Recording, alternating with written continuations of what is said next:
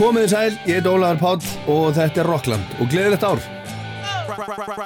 Right about now Þið auglýsið hitt og annað, hérna hitt og annað sem svo aldrei kemur. Það var bara ekki auglýst, það var auglýst hvennasöng.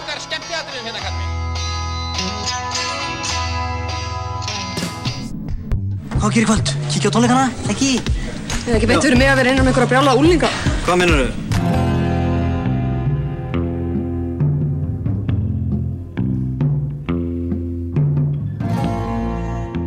Er enn eitt árið runnið upp og enn eitt Rocklands ári líka og það gleður mig að segja frá því að Rockland fagnar 25 ára amæli núna á þessu ári. Það er bara svoleiðis. En í þessum fyrsta þætti á nýju ári, 2020, ætla ég að rifja upp Ímis brot úr þáttum ásins sem var að kveðja 2019. Við heyrum í Sigur Rós sem fagnaði 20 ára amæli ágætti spyrjunar. Við heyrum í Bubba sem hlustaði með okkur að frelsið til sölu, Coldplay sem gaf út blöðuna Everyday Life, Júliu P. Andersen sem rifjaði ferðinu sína á Woodstock hátíðina fyrir hálfri öld, Jakob Fríman satt og hlustaði með okkur á blöðuna sína Hort í Róðan frá 1976, Vög kom í heimsókn, rifjum það upp og GTRN og Of Monsters and Men, Bruce Springsteen og Robert Plant og Simon Le Bon úr Duran Duran var á línunni. Og Pálmi og Maggi úr Mannakott komu í heimsókn og við heyrum brota þessu öllu í þættunum í dag og jafnvel eitthvað fleira. Og byrjum í lok januar síðastliðin á Marianne Faithfull sem að sendi frá sér fína plötu fyrir rúm ári, hún var þá 72 ára gömul, platan heitir Negative Capability og fekk fínar viðtökur. Hún var næstum þrjú ári smíðum þessi plata og átti uppháflega að vera eins konar þjóðlaga plata folkmusík, hún ætlaði að syngja þarna lög sem hún myndi eftir að pappennar hafi sungið fyrir hana þegar hún var lítil stelpa en það breytist hún fór í tónleikaferða sem hún held upp á 50 ári bransanum og svo leiði tíminn og lífið og dauðin í kringum Marian kallaði á þessa plötu svona eins og hún varð á endan hann heiti Laurent Marceau kollegi minn hjá EBU sem spjallaði við Marian í París um það leiti sem að platan kom út núna í nógumber hún var þá nýkomin frá London þar sem hún var að gera myndband við lagaplötunni sem hún samti með Nick Cave. Yeah, we went, uh, I went to do the, uh, the film clip with John Maybury for um, the Gypsy Fairy Queen. And it was wonderful, but it was really hard work. And, uh, you know, I'm not that, you know, I've got this terrible thing with my shoulder. And I have to have an operation in January and have a shoulder replacement. So everything like this is very difficult. And I'm in a lot of pain. You know. Lífið er eins og það er, segir Marianne Faithfull. Hún átti bókaða axlar aðgerð núna í sagði hún hann í november og henni var, var mjög kvalinn hún átti að fá nýja öxl. Vonandi er það bara búið og, og, og hún að ná sér. Þeir sem eru með Marianne á nýju plötunni eru eins og áður sagði, Rob og Warren Ellis Ed Harcourt, Mark Lanigan og Nick Cave. Hann semur með henni eitt sterkasta lagplötunar The Gypsy Fairy Queen. Hún á megnið á textanum en hann á lagið Well, it wasn't easy because he's very, very busy. And, uh, and I, I, I sort of said that up front. I said, listen, man. no, I didn't say that. I said, listen, Nick, I know how busy you are. And if you really can't do it, it's okay. Um, but if you could, I'd be so happy. It's so much the sort of song you have to write the music if you can. And at first he said no, and then he changed his mind.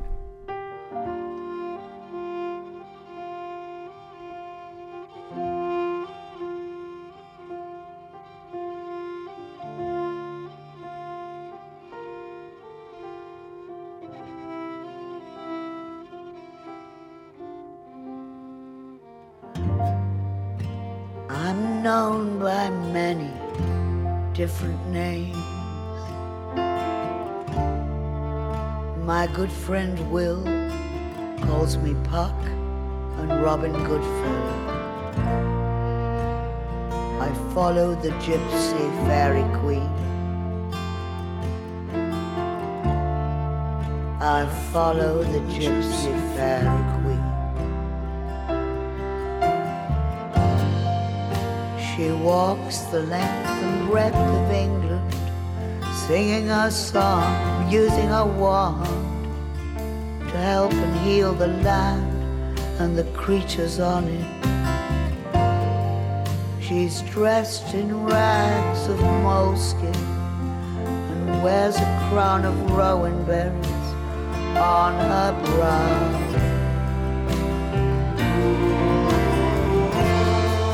And I follow, follow, follow the gypsy fairy queen.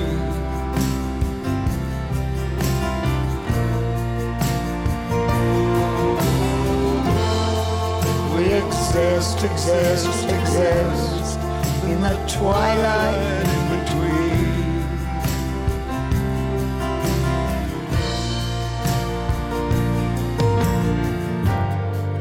She bears a blackthorn staff to help her in her walking. I only listen to her sing, but I never hear her talking anymore. Though once she did, the ones she did. And I follow, follow, follow my gypsy fairy.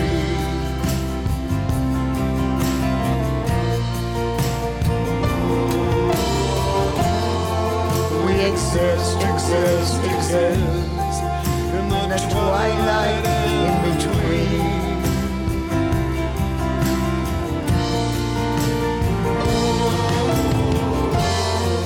And I follow, follow, follow my gypsy fairy queen.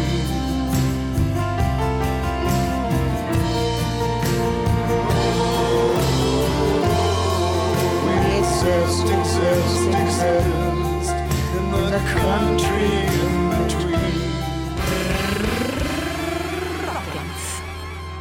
á Rástvö. Í þættinum í dag er gestur minn Jakob Fríman Magnússon, stöðmaður og allt múlitt maður og við ætlum að hlusta saman á plötuna Hort í róðan sem hann gerði 23 ára gammal árið 1976 en Hort í róðan er mikil uppáhalds platamargra og merkilega mörguleiti fyrsta sólarplata Jakobs. Sæl Jakob og, og velkomin og, og, og takk fyrir að uh, vilja koma og hlusta með okkur á þessa skemmtilegu plötu sem ætlar að fara að spila, að flytja í heilsinni í bæjarbíunum að lögadaskvöldið 16. mars. Já, takk fyrir að bjóða mér og, og, og skora á mig að horfast í við sjálfa mig. Já, akkurat. Herðu, þú ætlar að vera hérna með, með uh, frábæra hljómsveit með þér, Eithó Gunnarsson, Guðmundur Pétursson, Róbert Þóraldsson og Þorvaldur Þór Þorvaldsson.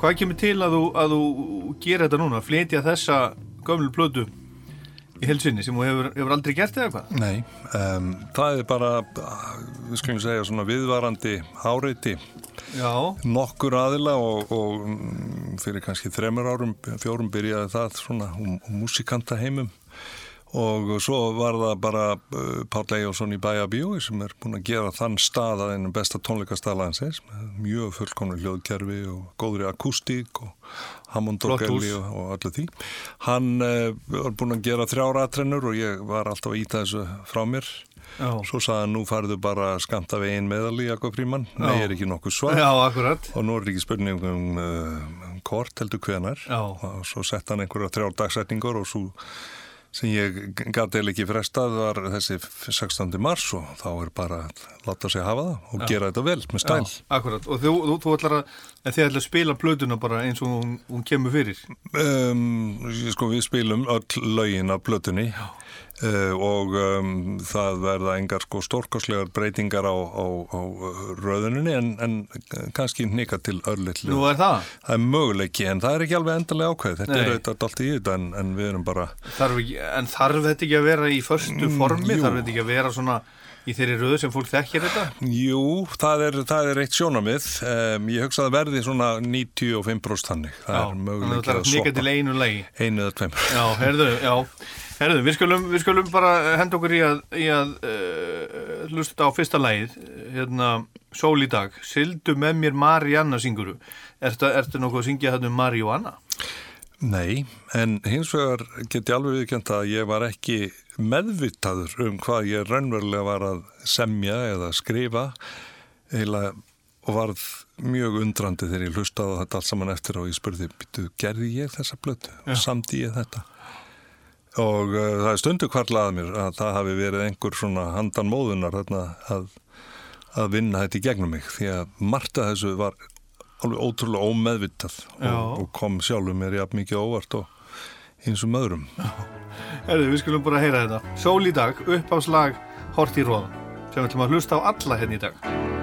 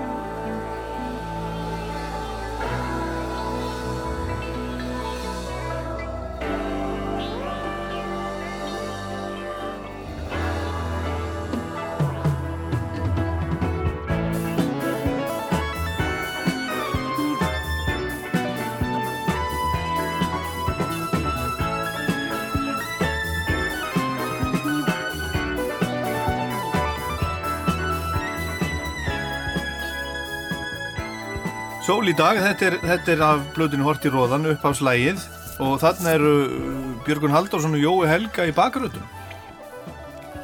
Já, ég hafði þetta unni með þeim báðum.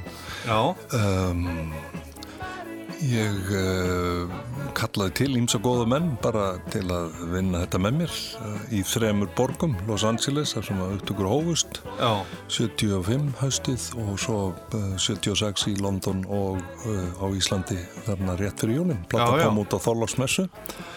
Þorlarsmessu 76. Já.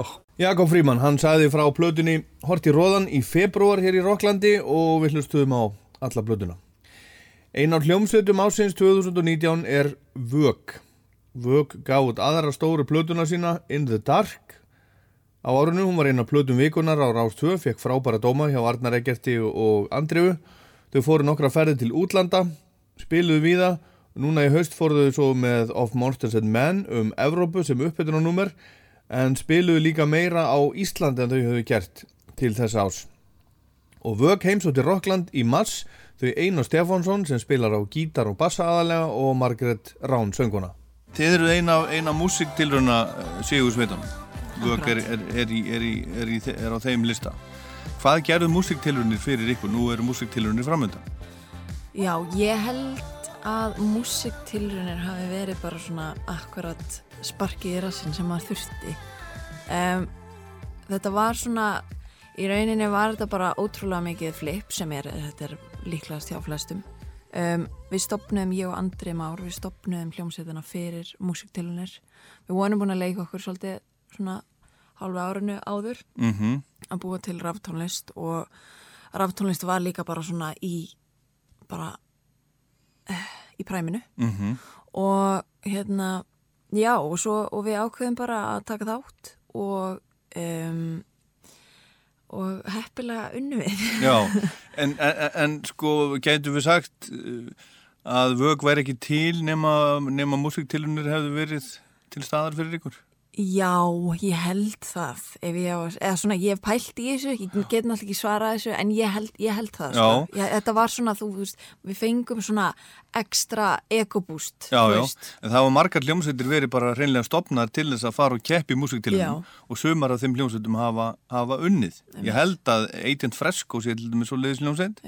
Ég held að of Monsters and Men sé líka þannig hljómsveit. Að þetta svona, þetta, þetta skiptir, skiptir heilmiklu máli fyrir og, og, og sko músiktilunir hafa skipt svo miklu máli fyrir Íslands tónlistarlíf í meirinn 30 ár. Og, og, og ég segi alltaf sko þegar útlendingar spurja mig akkur er svona mikið af góðri tónlist á Íslandi þá nefni ég músiktilunir, tónlistarskólana og Æsland Erfus. Þetta séu svona þrjár megin stóðirna sko. Já, Hvað segir þið um það?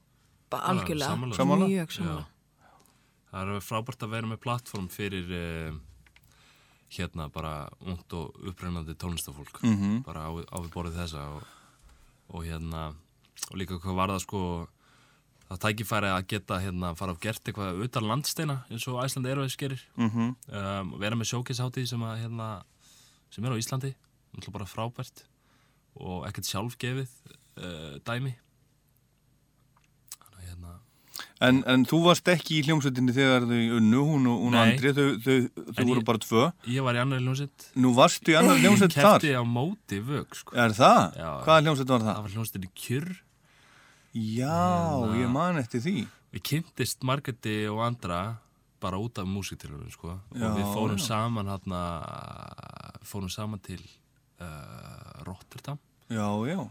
hérna það sumar Len, lendi kjurri í öðru sæti eða eitthvað Nei, svona? við fengum ekkert sæti sko, en við þið bara svo ekki Við komumst í Já. úrslitin sko Já. og hérna, hitthúsi bauð okkur að fara með vög sko, út af því að þau voru bara tvö, Já, kjör var þrjú, voru þrjú. þannig að hérna hún ásaði í hinn húsinu, hún bauð okkur að fara með sko, Já. við kynntumst Ég er mjög þakklátt ásu fyrir að hafa ásæði frábær. Já, En byrju, kjurr var hérna, hann var þar hérna gítarleikari, hérna, Clemens Hannigan já, og hún hérna, hún Solrún Mjöll Kjartansdóttir, trómuleikari ég, var- ég var að bassa í því og Já, söng já. uh, svona falskar bakgrað Já, já, já. Já, þannig að þið, þannig að þið kynntust í músiktil. Já. Magnað.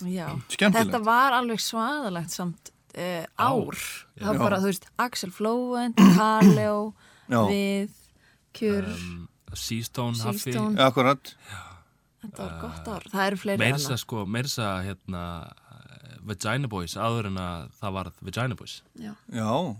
Hvað, hvað geta þar? ég manna ekki Nei, nei. það var, nei, Og mér fannst líka, ég gleymi aldrei, mér fannst svo cool þegar Solrún var á hérna svona trommupad. já, Það var svo eitthvað svo, svo trendi já, dæmi sko geggjað. En já, já, já.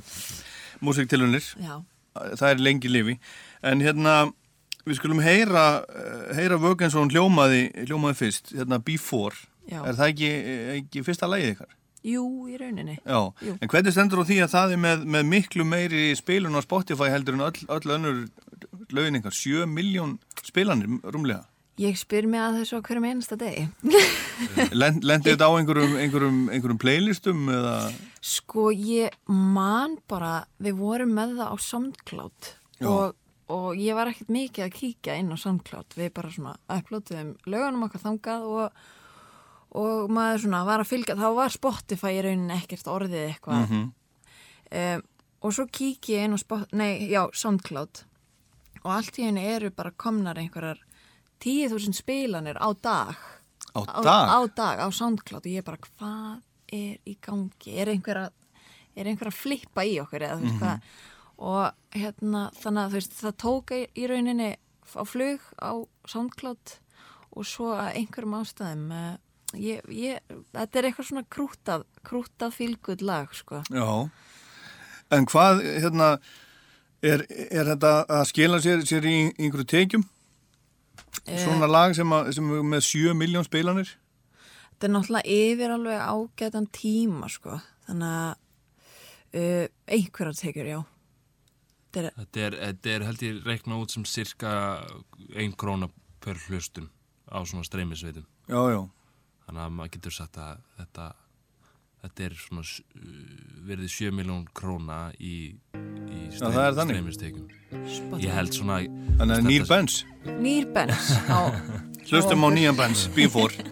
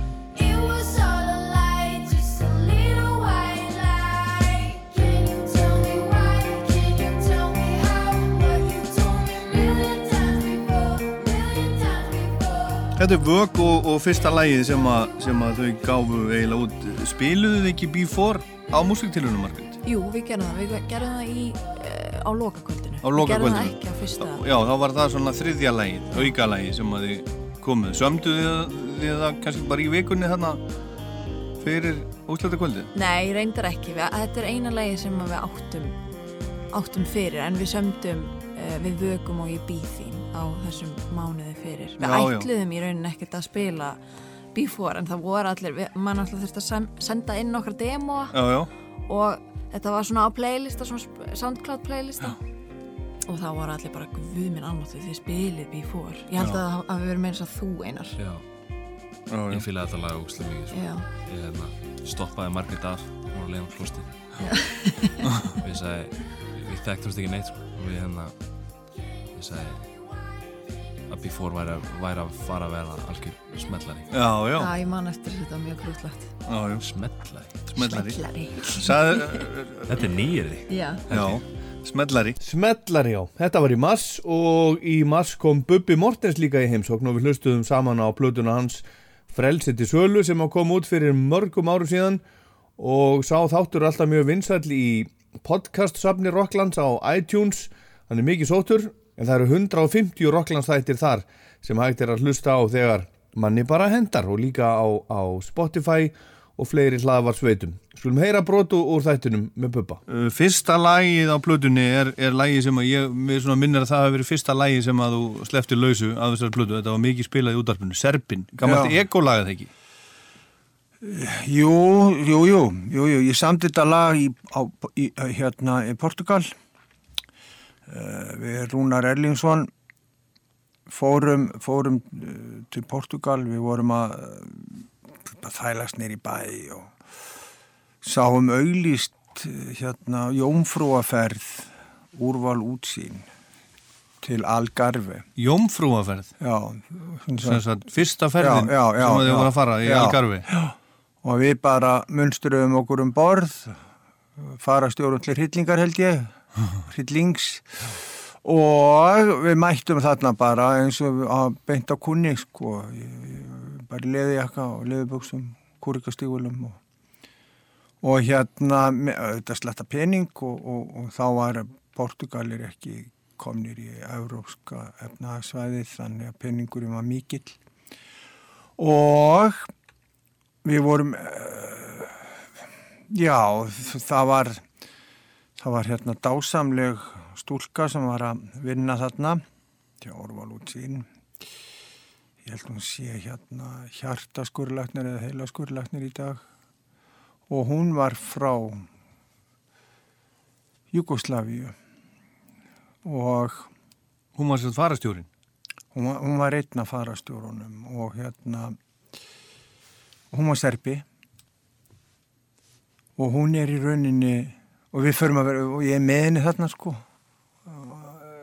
Á, á þessu þessu, þessu flipu þetta var uh,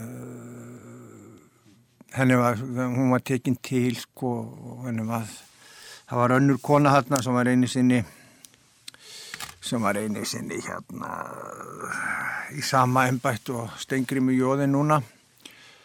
Hún var líka uh, yfirfarastjóri og hún tók hana á eintal og saði henni að ég væri gangster og, og, og hefði mjög slæmt orð á mér og hún saði mér þetta. Og, Já, já, hérna- sem þú hafðir á þessum tíma. Já, já, og bara og, og, og, en, en hún sá sem sagt bak við þetta allt var bara ruglaður flottu strákur held ég sko og ég kynntist málaliða þarna frá Angola sem að hafi verið að berjast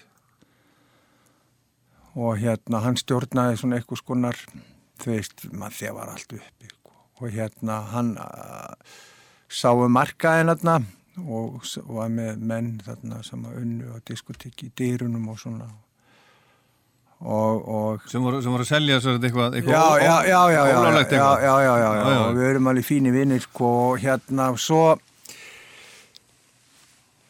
var þetta nú bara þannig sko að, að ef við vöknuðum ekki á ströndinni þá vorum við komnir þangað mjög snemma sko. Og ég skrifaði textan að þessu að þessu lægi á, á ströndinni. Og í rauninni er þetta einhvers konar eh, einhvers konar ástaróður til Milungu. Það er nú bara þannig.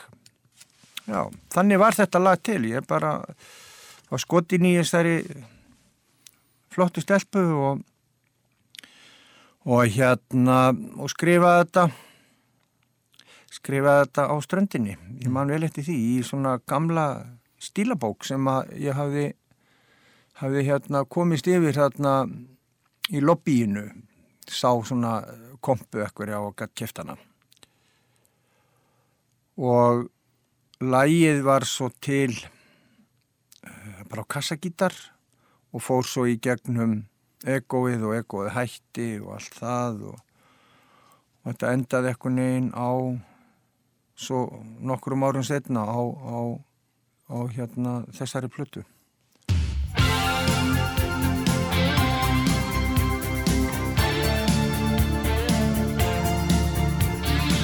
Speilmyndir á votum albyggi Öskur drúsins í nóttinni Grátur eldsins inn í sólinni. Vegurðin kemur frá sálinni. Sólin svíður svartan moldina Lífi sprettur af svitanum. Títanismi knýttum bakum Eitt lítið, eitt lítið Segnast blóm Sáðum maðurinn Ykkir jarðina Láturinn kemur frá akrinum. Móður mjölkina Stígur sakleysið Frelsið fæðist í hjartanum. Endur fætur Ót í öðninni Stígur glamp í augunum Títanismi knýttum bökum Eitt er lítið Eitt er lítið Segnast blóm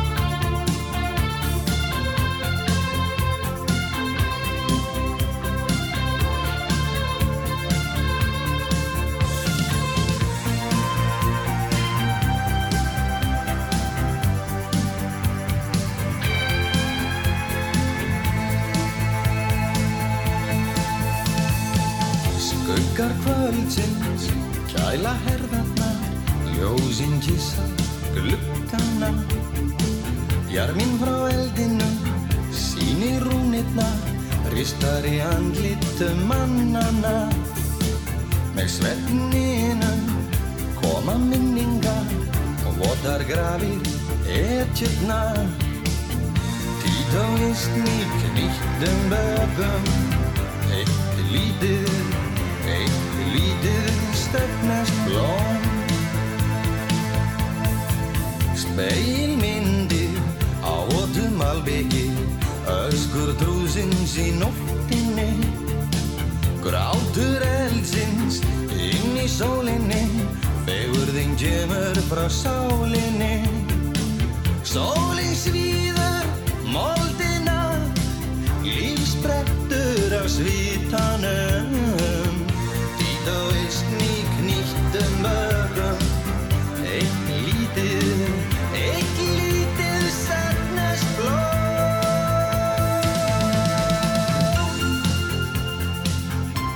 er Serbin, þetta er uppáslaga plötunar Frelsi til sölu sem að er, er til umfyllunar í, í Rocklandi í dag og, og Bubbi situr hérna, hérna með mér. Þarna varstu búin að gera Bubbi á, á sex árum, átta sólarplötur, þrjár plötur með utangarsmönnum og rúmlega það, þrjár með Ego og svo Das Capital plötuna. Þetta eru 15 plötur á, 15 plötur á sex árum.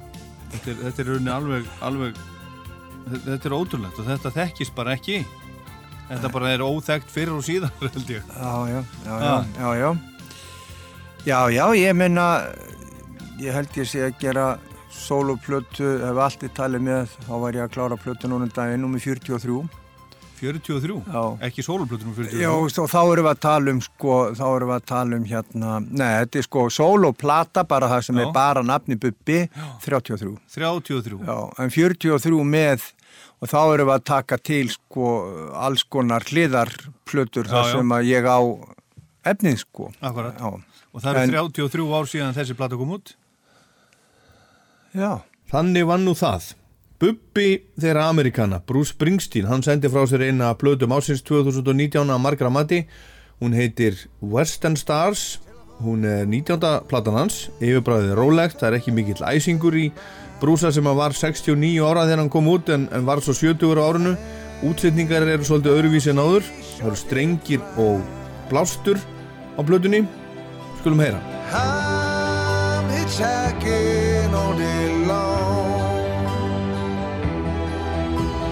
I'm hitchhiking all day long. I'm hitchhiking all day long. Hér í þessu litla lægi sem opnar nýju Springsteen-plötuna er sögumadur á puttanum einhver staðar í víðáttum bandarækjana og lætur veðrið og vindin ráða för. Fyrst fær hann far hjá ungu pari og Sally sem situr í framsætinu og vona badni.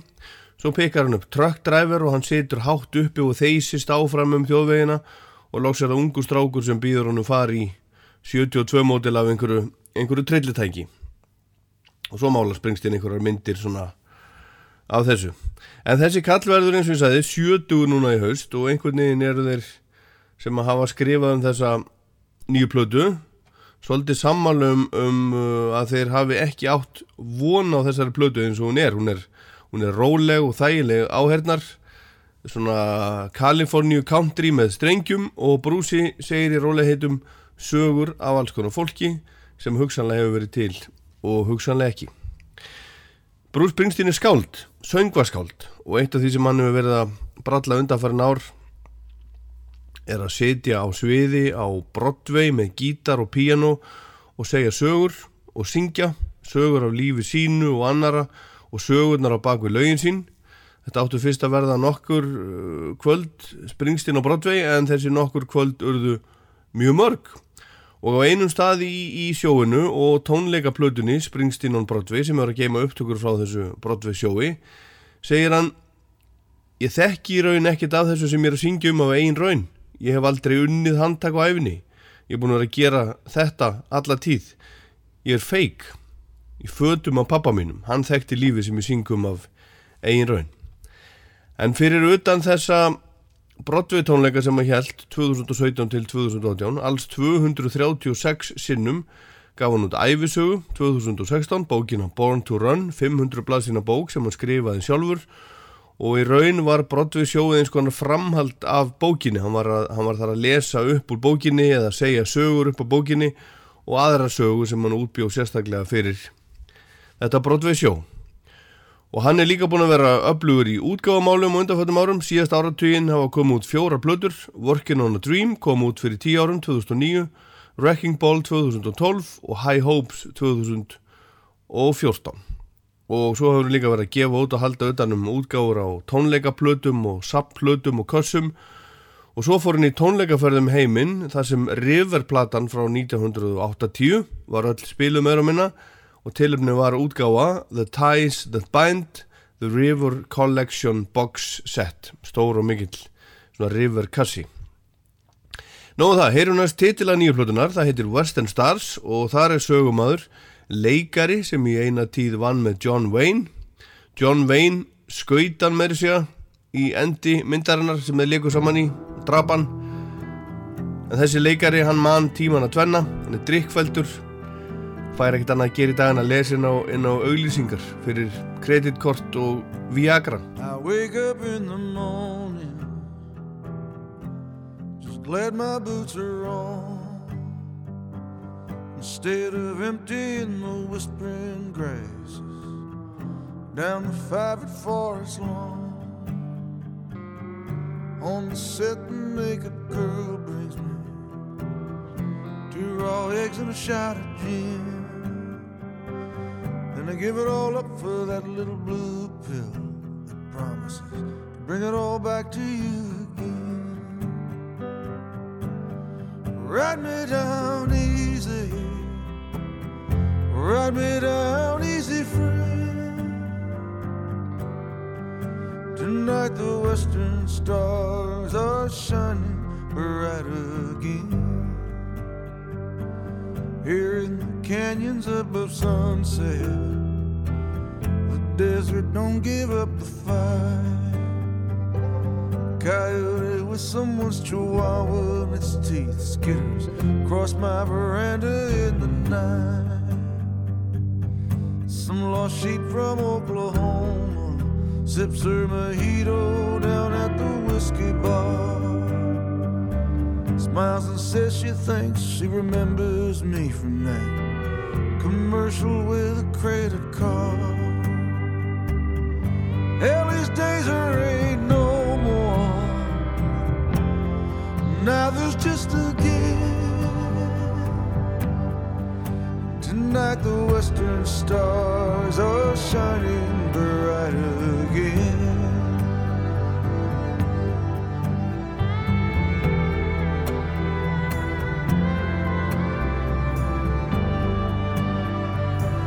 Sundays I take my El Camino, throw my saddle in and go east to the desert where the shadows they still ride and roll. Our American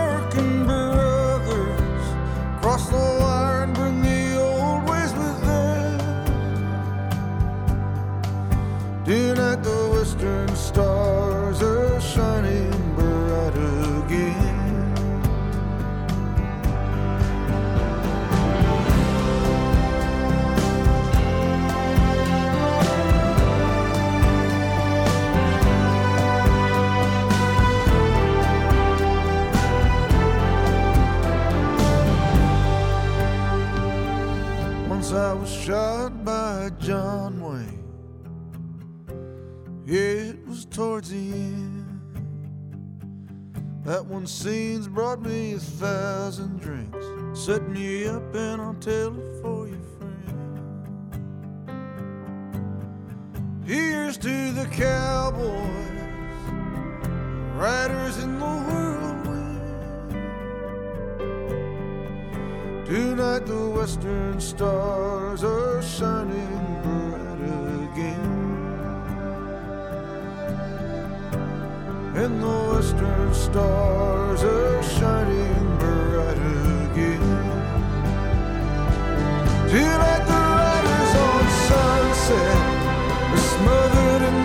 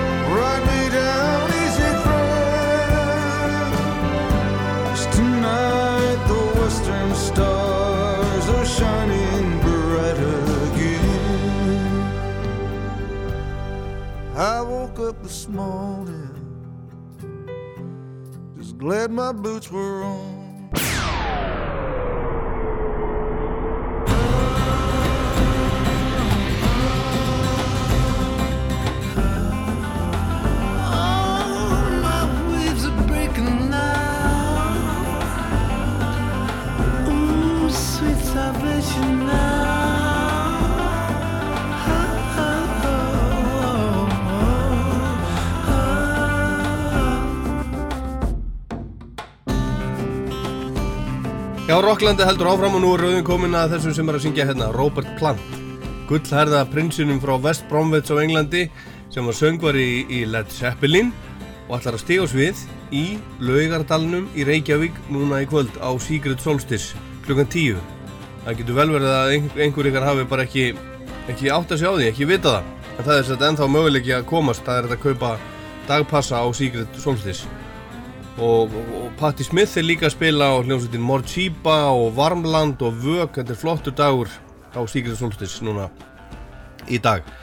En Robert Plant er enn að syngja og ferðast um heiminn og hann er enn að gera músík sem fullnægir bæði honum og aðdáundum hans tónlistarlega og hann neytar að dvelja við fornafræð, neytar að vera alltaf að horfa í baksinn í speilin heldur horfir áfram, fram á veginn vill gera nýtt, nýja hluti þó svo þau séu kannski búinir til úr gömlu og það er hann sem hann gerir á nýjustu plötinu sinni, 11. sólarplötinu Carrie Fire sem kom út 2017 og hann skrifar á sig og hljómsveitina sína sem er með honum í kvöld The Sensational Space Shifters og þar er öllu mögulegu blanda saman rocki, enskri og bandarískri þjóðlagahefð, Afríkurithmum og blues og platan byrjar á þessu lagi hérna sem að vorum að hlusta á, The May Queen Við skulum heyra hann segja frá hljómsveitinu sinni. Hann var í, hann var í uh, viðtali hjá BBC fyrir nokkrum árum. in about 2001, we created a band called Strange Sensation, and and that was John Baggett there from uh, Massive Attack and Portishead, and Skin came along from Cast, and Justin Adams from Jar Wobble and from Sinead, and and Billy Fuller came in from Portishead and from Beak and stuff, and then um, our drummer went off with Radiohead, and we were looking in the sort of musicians wanted and musicians available column. And there was dave smith. He was working in the vortex club. It's a very nice place to go at night. Admission's quite minimal and there's lots of room to sit down. And because it's because it's pecking jazz and uh, there, there was dave playing these 19 six time signatures and so he was obviously ready to come with us and and joe day camera from the Gambia. And what happened was these guys were playing as Juju before when I was over in the States playing. And so the four of them, uh, Dave and uh, Justin, Jill Day, and Billy were already Juju. So they were rocking out in this kind of West African sound. I came back from Nashville and I really was missing that real dynamism of playing. And th- so we kind of threw all the elements into a, a little pot and mixed it up. And this is what's happened. It's great. So it's old friends and then a couple of new guys and mixing it all up with super energy. It's really good.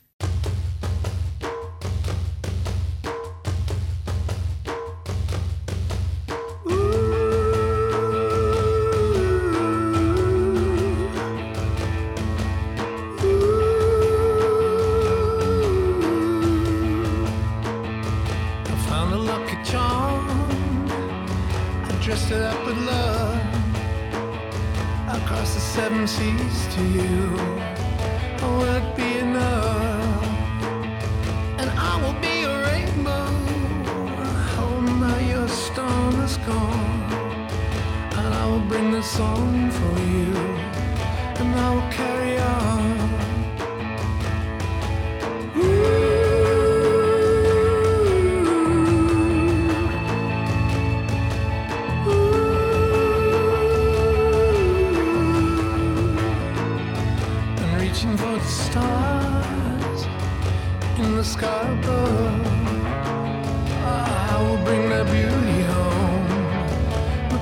Of my love, and I will be a rainbow.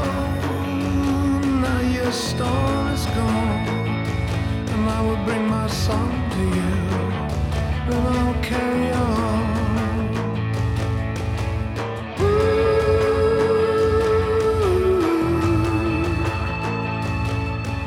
Já, Robert Plant spilaði á Secret Solstice í sumar og gerði það vel og útlitið er gott fyrir Secret Solstice 2020 TLC mætir, Primal Scream og Cypress Hill til dæmis.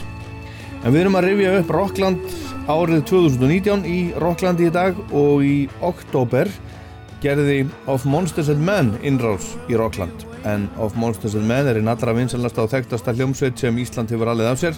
Það er bara svo leiðis Sveitin var til fyrir tæpum áratug sigraði í musiktilunum 2010 sló fljótlega í gegnum allan heim með læginu Little Talks og hefur síðan verið á stöðum ferðalögum um heiminn að spila fyrir fólk. Sveitin senda árunum frá sér þriðju stóru plötuna Fever Dream sem náði inn á topp 10 í bandarækjónum alveg eins og hinar tvær My Head is an Animal sem kom úr 2012 og Beneath the Skin sem kom 2015 Sveitin var nýkomin heim úr bandarækjatúr þegar hún heimsótti Rockland. Framundan var svo Evropatúr en í honum miðjum komuðu heim til Íslands til að spila á Iceland Airwaves lögataskvöldið 9. november og þeir tónleika voru sendir út beint á Rástfjö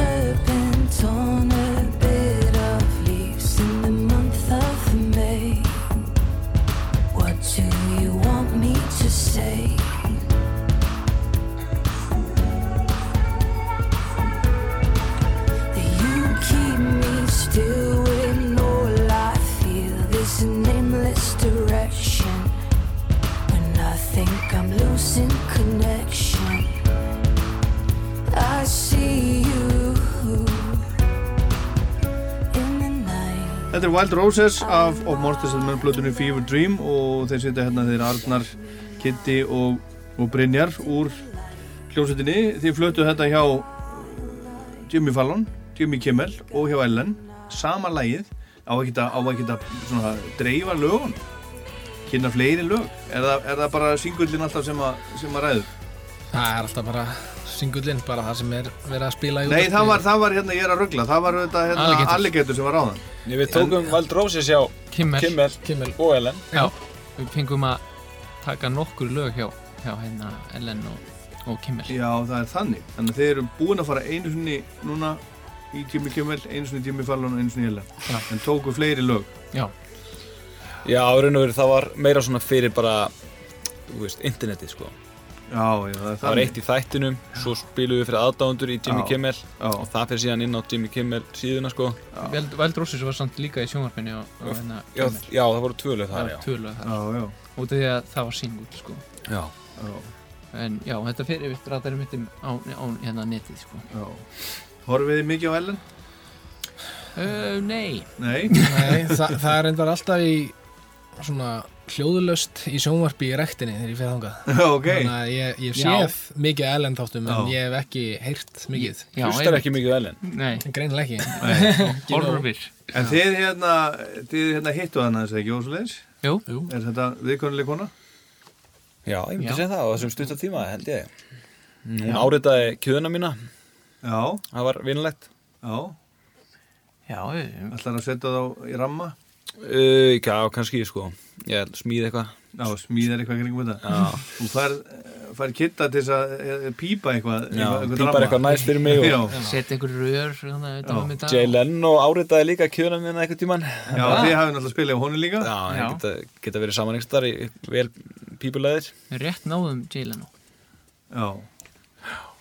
Tvísvar Já, við tókum hann tvísan En hvernig, en hvernig, strákar, sko, nú, þú veist, sko, hvernig er að, er að blanda þessu saman? Ég menna, einn daginn eru þið bara með, með hérna, jetsettinu einhver staðar hérna í, í, í hérna, Ameríku, í þessum, þessum stóru sjónvastáttum, þar sem allar stærstu stjörnur heims koma og svo eru þið bara komin hérna heim í, í hvað? Volkslas? Já, Horfa á Ellen með einhver hljóði Horfa horf ellen með ein- einhver hljóði í Volkslas, ég menna, Já, þú veist, er ekkert, er ekkert, hérna, er ekkert erfitt að blanda þessu svona, svona saman? nei, nei maður bara einhvern veginn finnur út úr þessu. Já, en verðið aldrei svona, svona, sko, það sem ég á við er sko, eh, sko, þið, þú veist, þið eru eiginlega svona með, með, eh, með sékvort fótinn í svona sikkvorum veruleikanum einhvern veginn. Er, er ekkert erfitt að halda balans bara?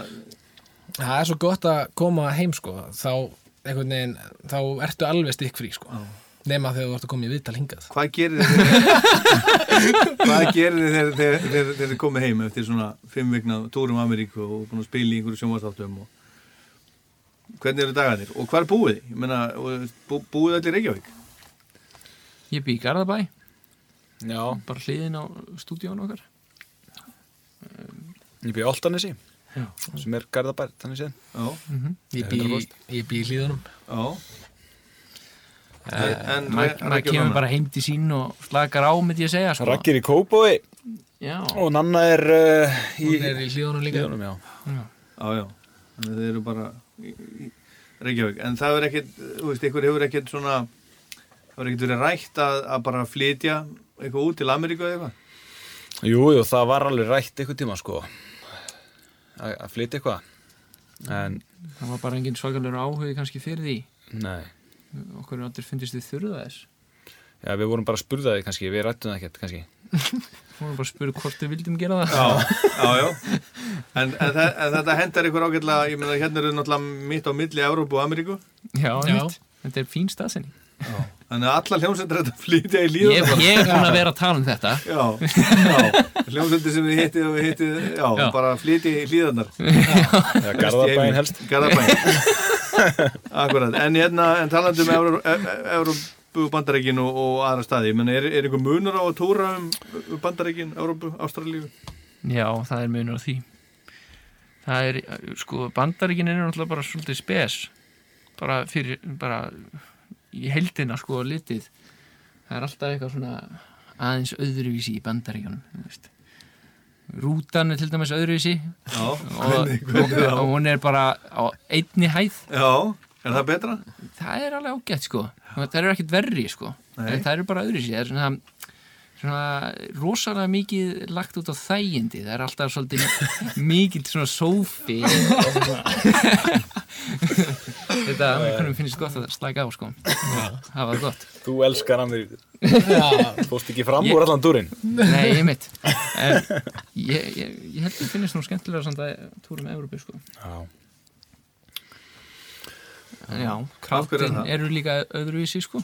Tónleikanir Já. yfirleitt sko.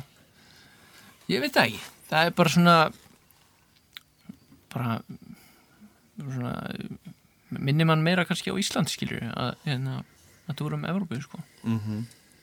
sem fær maður rosalega oft í bát í Európu þegar maður er að fara á milli sko, hérna, Bretlands og hérna, mið-Európu þá er maður alltaf einhverjum bát svona, Já. í, rú- í, rú- eða, þú veist, já, fer úr rútunni Já, og er- einhverjum er bát það ekki í túnum. næs? Það gaf verið pyrrandi sko þegar maður þurfti að vakna meðan nótt og þegar má ekki sofa í rútunni í Já, bátnum í bátnum, já. maður þurfti að fara upp og vakna sko Já, látið mér friði Já. Já. Það er ekki tvoleis í Ameríku. Nei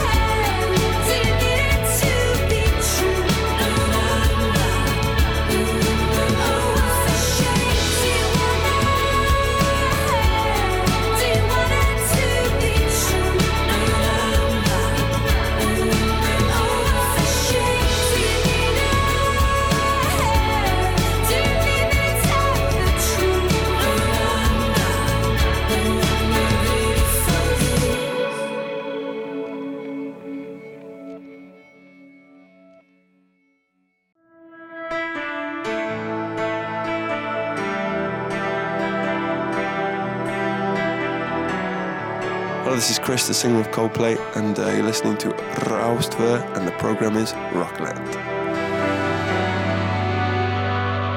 Já, þetta er Rockland, fyrsta Rockland ásins 2020, þátturinn fagnar 25 ára ammæli núna í ár og við notum hennar fyrsta þátt nýs árs til þess að rifja upp eitt og annað sem kom við sögu á Rocklands árunum sem var að kveðja.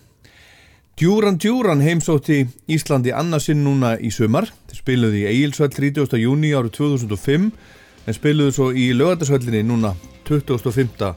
júni.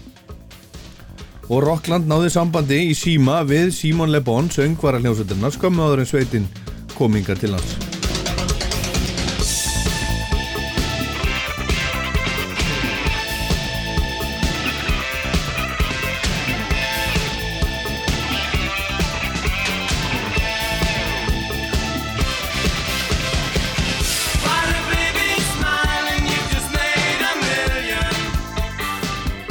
Þetta er Rockland á Rástu og Djúran Djúran er málið í dag. Hljómsveitin sem ætlar að spila fyrir íslenska aðdándu sína í lögadagsvöld 25. júni næstkomandi og þetta er smellurinn Girls on Film frá 1981 sem er að finna á fyrstu stóru plötunni þeirra sem að heitir Djúran Djúran.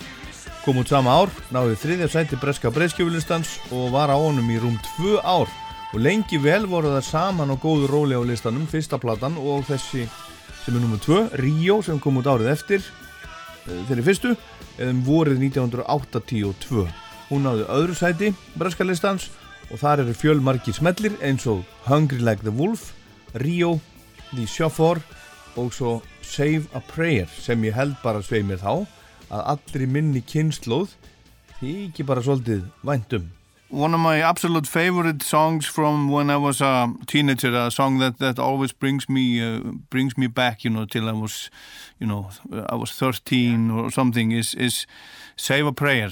It's still one of my my, you know, it's a it's a dear song to me.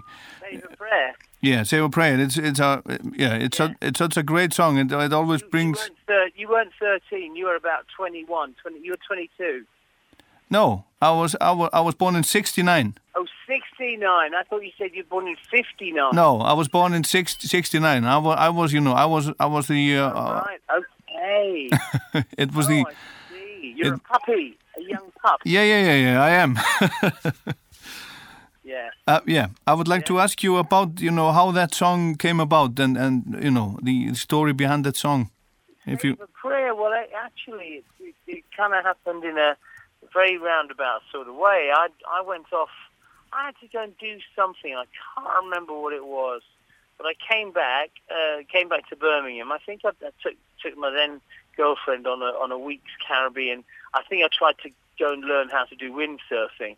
All Uh-huh. I ended up doing was getting terrible sunburn. um, and I came back, and the band had been working for a couple of days, and they had the song. They they already had started working the music, and but they didn't have a top line for it at all. They didn't have any melody or lyrics. Um, and I heard it, and I it just it just that chorus it just slipped into place. It did. It's very very natural, very inspired, very spontaneous piece of music. Yeah, we used to work in this little room in a nightclub called the Rum Runner, and um, there's this bar next to the main bar. They called it the Tritech Bar. Um, so we go we we go in there at about five or six o'clock, start to do our our rehearsals and practice, and then at nine o'clock we'd have to finish because the club opened at nine p.m. and we'd have to finish, and and and then some of the guys would go and work in the club. Like Nick was a DJ. uh-huh. Um, John, I don't know what John did. I think he may, might have worked behind the bar. Um, Andy was clearing tables. Um, Roger was polishing the Miraflex Mm-hmm.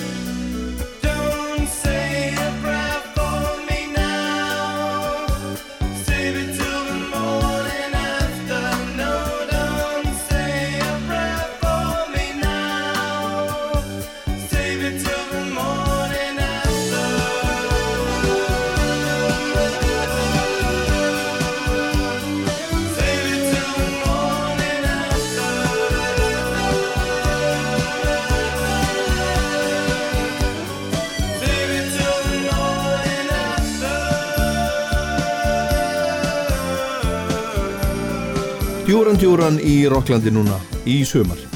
Tónlistakonan GTRN fór heim með fernvelun af íslensku tónlistavellunum síðastlið vor, þar á meðal fyrir pop plötu ásins, en hún sendi frá sér fyrstu plötunum sína, Hvað ef, árið á undan, 2018, og hún var líka valinn söngkon ásins, fekk velun fyrir lag ásins og myndband, og hún heimsótti Rockland í lok mars. Velkomin í Rockland Guðrún. Takk fyrir það. Þú kallar þig Guðrún eða ekki? Jú, kallum mig Guðrún. Jó, ég á ekki að kalla þig GTRN.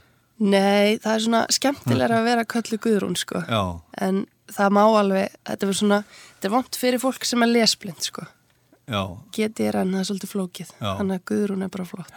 allavega hér í dag en, en þá, þá Já. er GTRN þegar þú ert á svona á, pre, á prent, prentmáli Prentmáli, það var í en, hérna, hvaðan ertu að koma núna? Heyrðu, ég var að koma bara uh, úr hátegismat Já, hérna á, í mathöllinni út á Granda. Já, Já, Hva, hvað fyrstu þér? ég veið mér svona vegan takkofægur. Já, ertu vegan? Nei, ég var vegan og lengi sko og svo kom jól Já. og þá gekk það ekki alveg lengur. og fórst að naga blessu dýrin Já, því miður. Já. Já, en er ekki, er ekki ágætt, já, ég er náttúrulega, ég er ekki vegan sko, en, en, en skilða mjög vel, sumir, sumir eru það af heilsufas ástæðum og aðrir bara því að þeir út af svona dýravendasjónamöðum og allt það. Mhm. Ég er svona einn af þeim sem ákveði bara að loka fyrir, fyrir augun, hugsa ekki alltaf mikið um þetta. Já, emmitt. Ég nefnilega sko byrjaði eiginlega að vera vegana því að hérna, ég gati ekki við erum alltaf með læri á sunnudum Alltaf? Já, alltaf, þetta er eitthvað svona Kindafót. fyndin hefð, já, kindafót og ég var orðin svo með þetta um, þetta væri bara kindalæri og einhvern veginn beini sjálft er bara læris bein og þetta var að fara að trubla mig svo mikið að ég gæti ekki borða þetta lengur sko. En í dag? Jú, ég færi mig Aðeins, stundum, aðeins, já, aðeins, já. aðeins. Herðu, en, en hver er hver er þessi Guðrún? Hvaðan, hvaðan kemur þú? Er ég kem úr Mósusbænum Já, ég fluttið þangað fjögur ára og bara bjóð þar svo alltaf tíð síðan hvaðan fluttir þú? úr Vesturbænum Já, já, mm, og Bergstastrætinu vorum hann eitthvað svolítið á flakki ég er sko elst þannig að fóldra minni voru ný fluttir heim frá hérna, bandaríkunum, eða svona tiltölulega ný flutt sko og komið svo og vildu fara að eignast fjölskyldu og þá voru við hann eitthvað á flakki í Vesturbæin og svo Já. fórum við og byggðum okkar eigin hús hann upp í Mósó þannig að þú ert, þú ert alin upp í, í sveitarsælinni? Algjörlega sko, þetta er svona finnst bjálkahús. Já, þetta já. er bara eins og sumabústaður og svo Já. fer maður bara upp í fjall bara fyrir aftan. Já En hvernig, hver, hvernig líður að vera svona, ég, ég var að hugsa sko, út til að svona eins og shooting star, svona hraðstjarnar, já, einmitt. Hvernig líður með það? þetta er svolítið skemmtilegt sko því að eins og þú segir, þetta er svolítið eins og ég sé svona shooting stars en ég er búin að vinna mjög mikið að þessu sko í svolítið tíma. Já. þannig að það er svolítið gaman að fá einhvern veginn svona maður er algjörlega að uppskera því sem maður sáur og eiginlega svona meira til sko.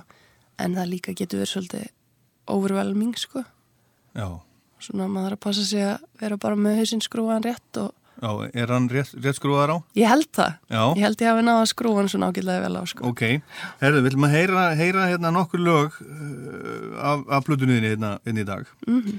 Við skulum heyra bara uppáslægið, það sem var. Já. Segðu mér aðeins, aðeins frá læginu fyrst. Þetta er annarlægið sem að ég gaf út bara sem svona singul og hérna, Anna lægi sem þú samtir. já, í raunni sem, sem ég gaf út þarna. Fyrst var það hérna lag sem heitir Ein sem er á plötunni líka. Og ég held að það hefði verið, þú veist, annað lægið sem ég samtið eða eitthvað. Og svo var það það sem var. Og þetta er svona þetta er svolítið skemmtilegt, þetta er rosalega einfalt lag í rauninni, þetta er ekkit eitthvað rosalega mikil texta hérna, gerð og þegar við ætlum að fara að gefa þetta út þá hérna, ég þekki aðeins til hans Óla Arnalds Mm.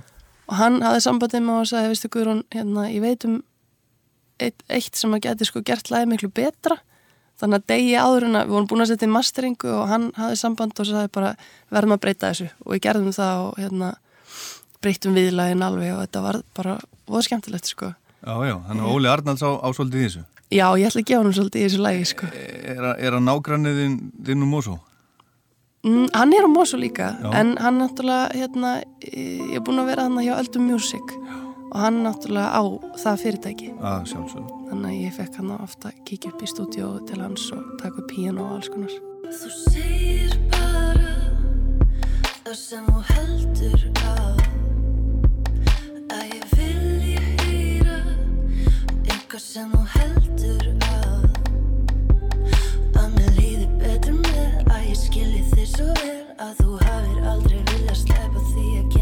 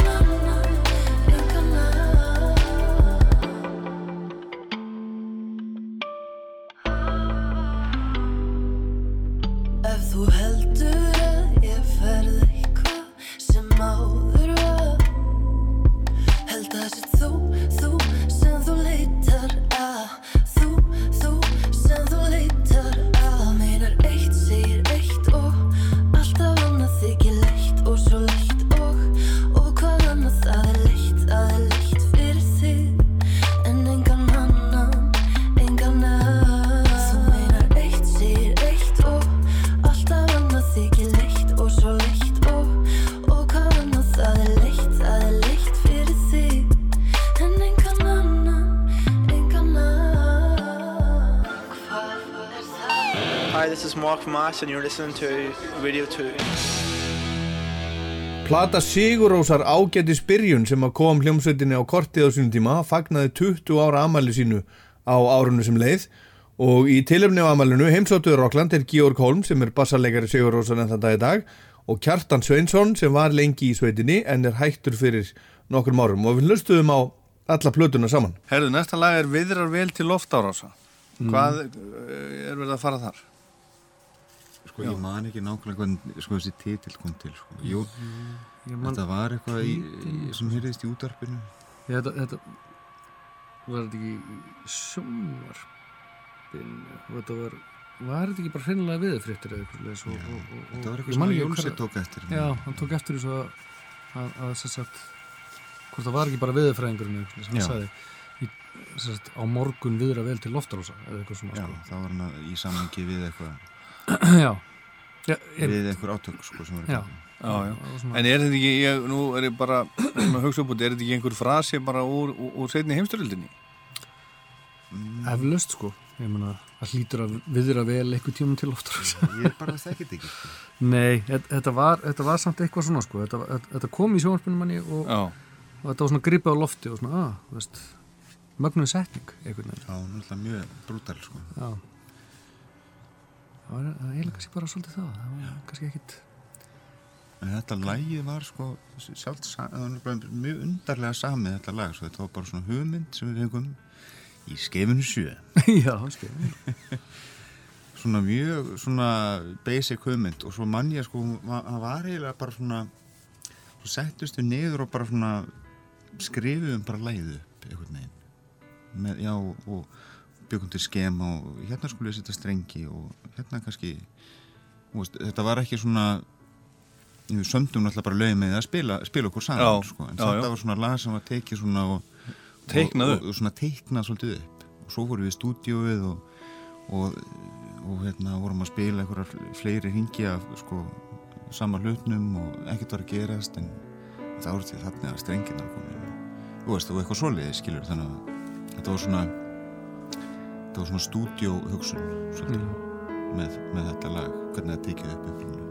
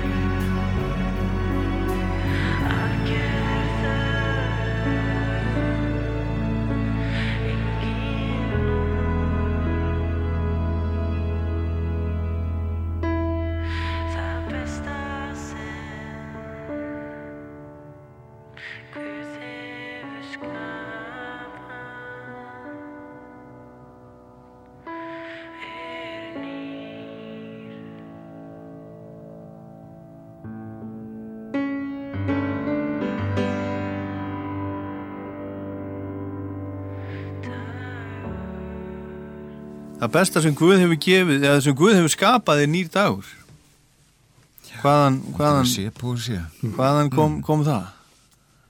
Þetta var bara eitthvað sem að Jónsi bara Jónsi Þetta hefur verið svona svolítið hábúndur uh, á tónleikum hjá okkur oft Já, já Þessi, þe- Þetta moment Svolítið mikið, jú. Já. jú. Þetta heldur Ég man saman eftir að skilja mér sjálfur, þessu lagi. Já, nei.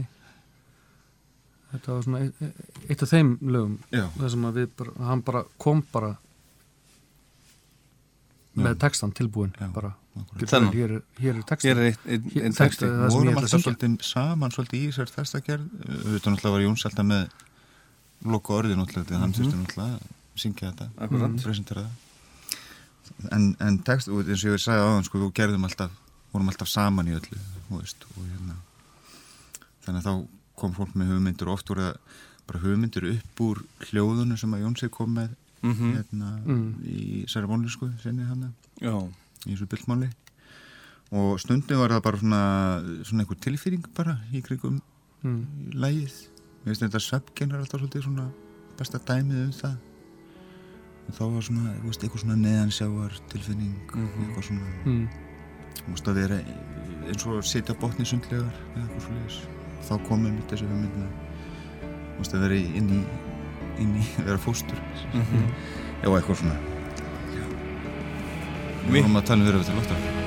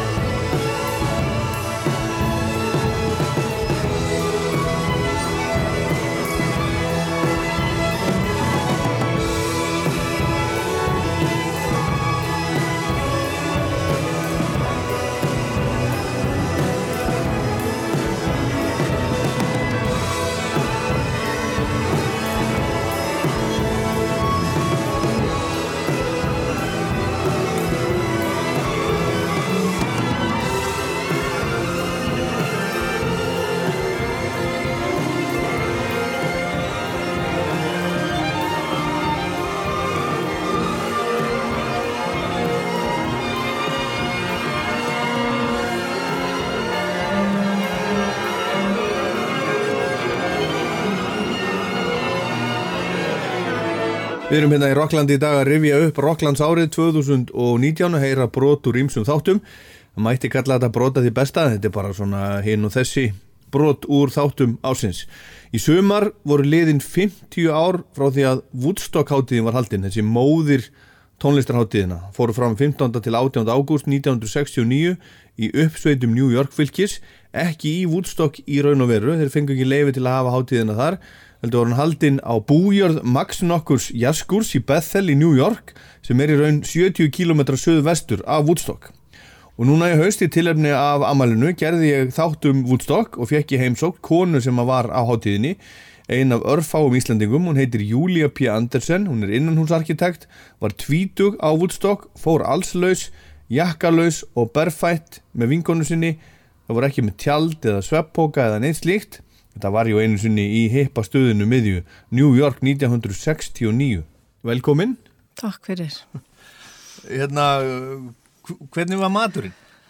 Maturinn, Já. það var ekki mikill matur við, við, við hérna, það var svona hóað í fólk, það var semst fólk var að elda súpur og, og búa til eitthvað svona, já, já, það var hérna, ég man eiginlega ekkert hvernig maturinn var en okkur var búið upp á súpur svona hér og þar. Já, þannig að það var ekki, það var ekki svona eins og á tónlistráttíum í dag, það var bara hellingur á svona matarvögnum nei, nei, þú nei. velur um bara, þú veist hvort þú vilt steik eða pulsu eða, Nei, eða það var ekki svo Það var ekki svo þannig að það var bara svona matur Já, við, neða, bara kalla, eða ekki svanga, vil ekki koma, komið hérna að fá okkur súpu Já.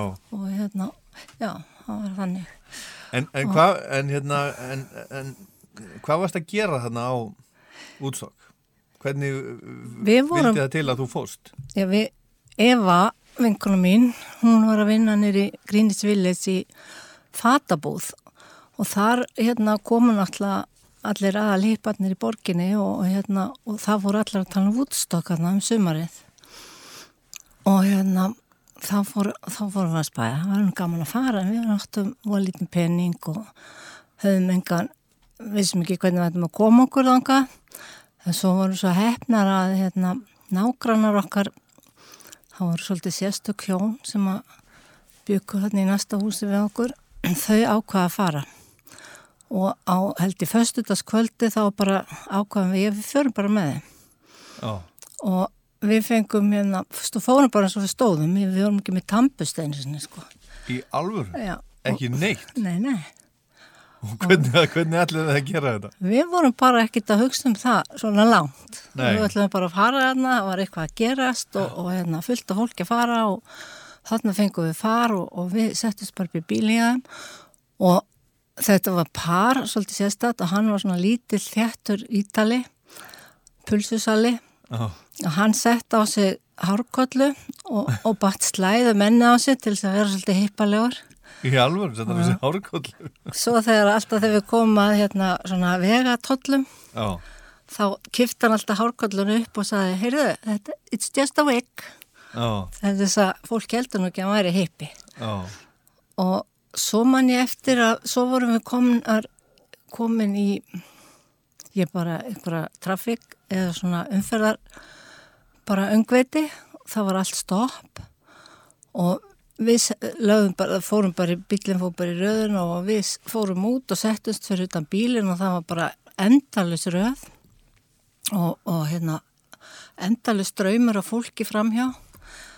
Við- Labbandi? Já, labbandi sem að parkera bílónu sínum og var bara að í, á stað og hérna og það sem við sittum hana fyrir utan bílinn þá kemur labbandi hérna vinkonu mín íslensk vinkonu mín. Nú, þá var hún hérna að fara með sínum vinum. Og hérna já, það var, það var svolítið merkilegt að hitta hana Já. svo heldur þau bara fram og, og við byggðum hana, ég held að við höfum verið hana eða allan nóttina. Í, í bílaröðinni? Já, í röðinni. Og vorum eitthvað að mjakast svona.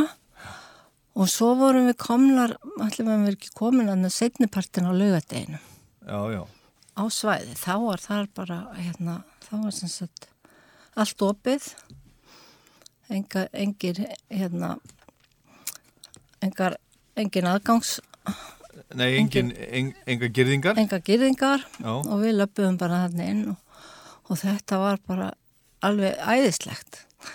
Þá var hérna, í minningun allavega sól og gott veður, fullt af fólki og, og Álögadeginum Já, og ilmurinn í, í loftinu og reykur, reykskíin yfir og, Já, það hefur verið hérna svona kanna, kannabis já, kannabisstemming, sko. kannabis skí Já. já, en voru, voru þið svaglipsu stúlkurnar í Íslandi eitthvað, að- eitthvað að Nei, eiga við, eiga við það? Ekki mikið, ekki þarna, Nei, aðeins aðeins kannski, svona. En hérna, já, og þarna vorum við, já, fram á mándagsmorgun Já, og það gekk nú ímsum með veðrið. En það var opbúslega mikið svona sam, hvað maður að segja svona svona fólk var svo samheldið.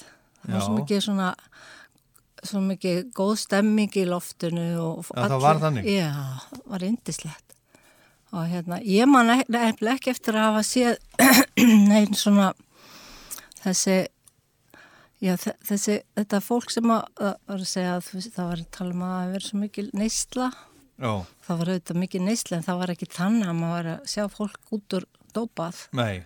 En það var, Ekki það var, minningun- en það var svona gras, cannabis, skí, já, svolítið yfir öllu. já, bara róleit og Já. allir vinnir og Já, en ekkert svona, ekkert meira heldur en það. nei, ekki, nei Nei. En já, að og svo var náttúrulega svo mikið það var svo margt fólk að maður komst ekki við komist einu sinni að svona upp að sviðinu, stóra Já. sviðinu Og hverju voru að spila þá?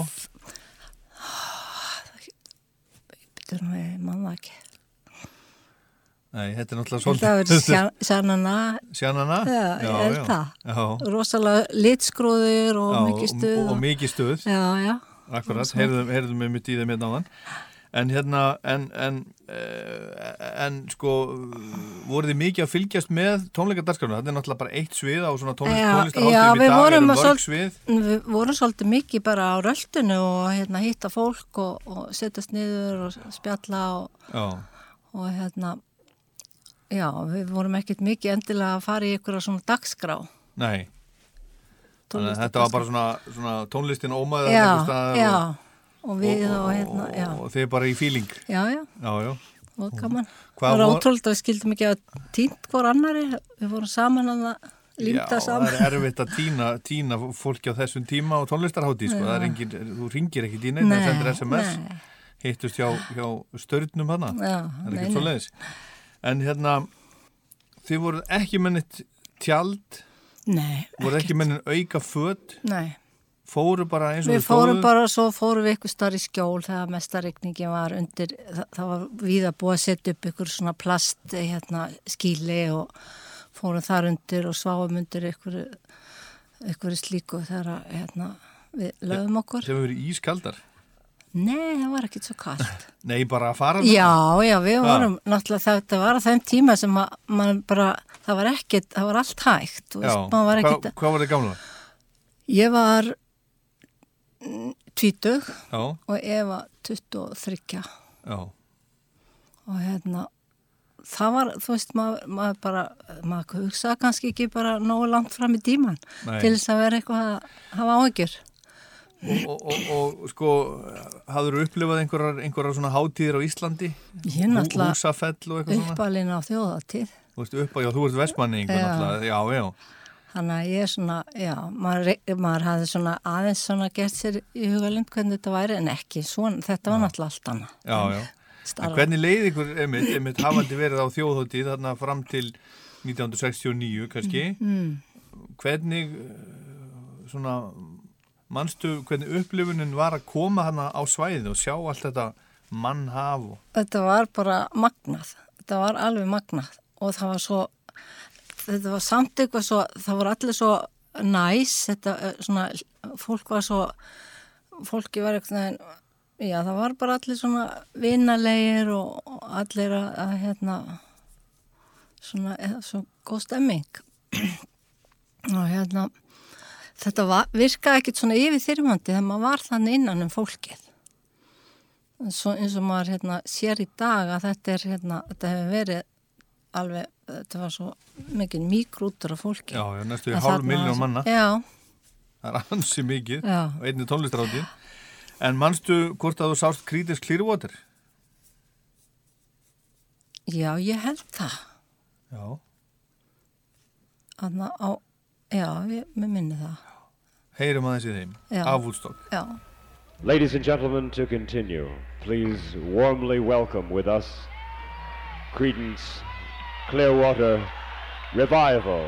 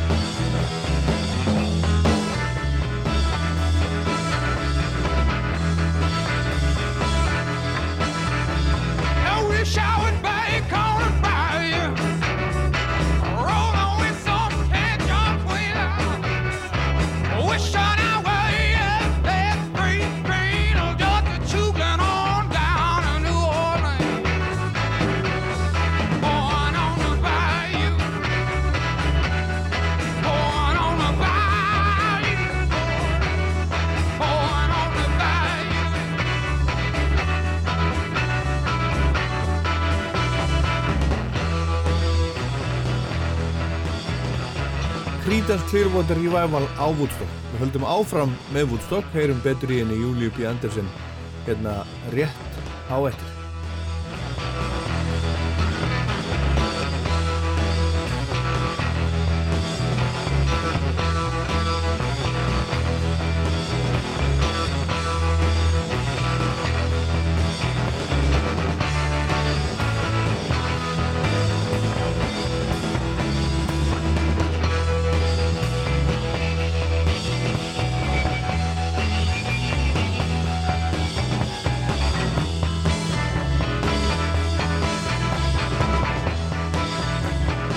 Creedence Clearwater Revival og Born on the Bayou á Woodstock hátíðinni fyrir hálfri öld. Þetta, þessi tónleikar þeirra voru að koma út núna á plötu á árinu og eru alveg stórfínir. En í Rocklandi fyrsta desember síðastliðin var hljómsveitin Coldplay málmálana og nýja plata þeirra, Everyday Live, sem fór allar leið á toppin á breska listanum þegar hann kom út. Tvöfalt album, tvær plötur, svo fyrir heitir Sunrise og hinn Sunset. Sólar upprás og sólsetur, þetta er stór og mikil plata og svona hálgerð konceptplata. Þeir ætla ekki að fylgja blöðun eftir með tónleikaferð en spiluðu til að vekja aðtikli á útgáfunni í Amman í Jordaníu á útgáfudaginn og líka daginn eftir.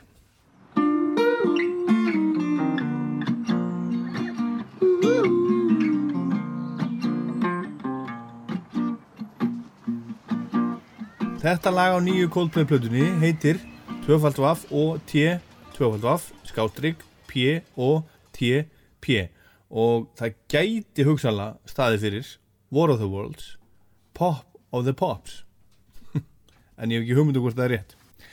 En tónleikarnir í Amman lögadaginn fyrir viku voru næstum helmingurinn af þeim tónleikum sem Coldplay ætlar að spila núna í bíli og er einni einu svona stóru fullu tónleikandir en Coldplay spilaði tvísvar í vikunni í London Þeir spiluðu fyrir þúsund aðdáendur og gesti í National History Museum í London á þriðutaskvöldið og svo miðugutaskvöldið í beitni útsendingu frá BBC, Mæta Veil stúdíónu, tónlistastúdíónu þeirra hjá BBC sem er þeirra stúdíó 12 sem er reyndar miklu starra stúdíó en stúdíó 12 og þeim tónleikum var útarpa hérna hjá okkur á, á rástöðu. Það voru reyndar ekki nema sjö lög og þeir spiluðu aðeins fleiri hérna kvöldi áður.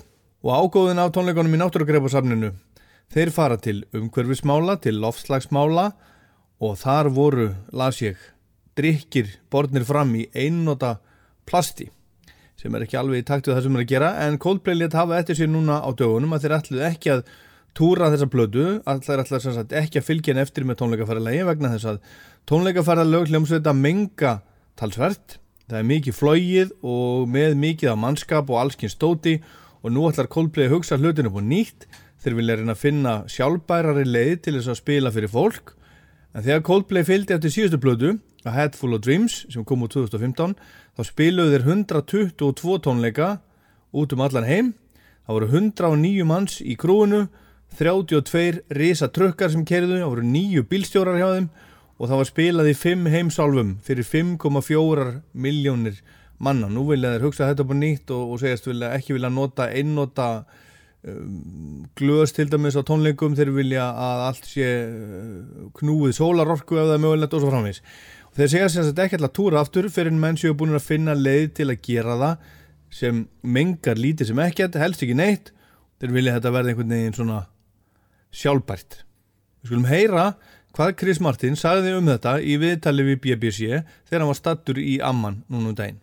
All of us in every industry have to just work out what the best way of doing our job is. The hardest thing is uh, the flying side of things. We're taking time over the next year or two to work out how can not only our tour be sustainable, but how can it be actively beneficial? How can we harness the resources that our tour creates and make it have a positive impact? Our dream is to have a show with no single-use plastic, to have it be largely solar powered. So I think it's a question of just accepting that you have to do your best, not to be too overzealous in criticizing others because everyone will catch up if I think if you prove that it's easy to do it the right way.